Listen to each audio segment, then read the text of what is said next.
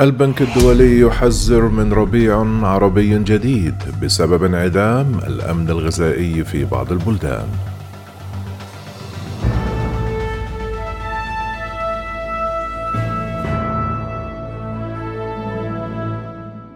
حذر البنك الدولي الخميس من احتجاجات وأعمال شغب مشابهة لأحداث الربيع العربي التي انتشرت بعدة دول منذ عام 2011 بسبب التضخم الناتج عن الغزو الروسي لأوكرانيا.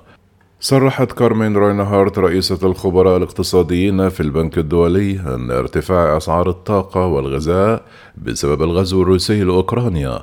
قد يفاقم مخاوف الأمن الغذائي القائمة في الشرق الأوسط وأفريقيا وقد يؤدي إلى اضطرابات اجتماعية. كما أوضحت في مقابلة مع وكالة رويترز ستكون هناك تداعيات مهمة على دول أفريقيا لأنها تعاني بالفعل من انعدام الأمن الغذائي. كما أضافت من المعروف أن انعدام الأمن الغذائي وأحداث الشغب كانت جزءا من الربيع العربي مشيرة إلى زيادة الانقلابات في بعض الدول خلال العامين الماضيين. بدأت احتجاجات الربيع العربي في عام 2011 في تونس ثم امتدت إلى خمسة بلدان أخرى هي ليبيا ومصر واليمن وسوريا والبحرين وفقا لوكالة الأنباء لرويترز.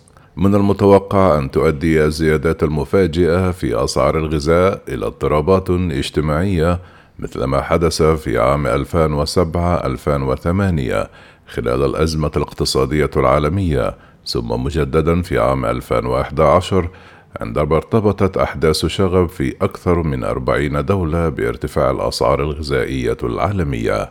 في السياق تستضيف ألمانيا اجتماعا عبر الإنترنت لوزراء زراعة دول مجموعة السبع الصناعية الكبرى لمناقشة تداعيات الغزو وسط مخاوف متزايدة تتعلق باستقرار أسواق الغذاء. ذكر البنك الدولي الشهر الماضي بعد أيام من بدء الغزو الروسي لأوكرانيا أن أسعار السلع الزراعية زادت بنسبة 35% على أساس سنوي ومن المتوقع أن تواصل الارتفاع بسبب الحرب.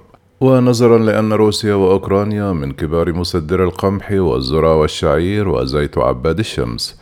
حذر البنك الدولي من أن التداعيات قد تكون قاسية خاصة في منطقة الشرق الأوسط وشمال أفريقيا حيث تستورد بلدان نحو 80% من القمح الذي تحتاجه من أوكرانيا وروسيا وموزمبيق أيضا على سبيل المثال تعتبر مستوردا كبيرا للقمح والزيت.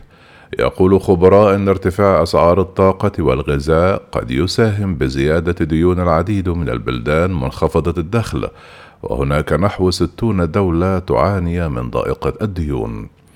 قالت الخبيرة في البنك الدولي أن بلدان آسيا الوسطى تواجه أيضا تحديات اقتصادية كبيرة نظرا لعلاقاتها الاقتصادية والتجارية الوثيقة مع روسيا التي يتوقع صندوق النقد الدولي أن تنزلق إلى الركود هذا العام وذلك بسبب العقوبات الغربية.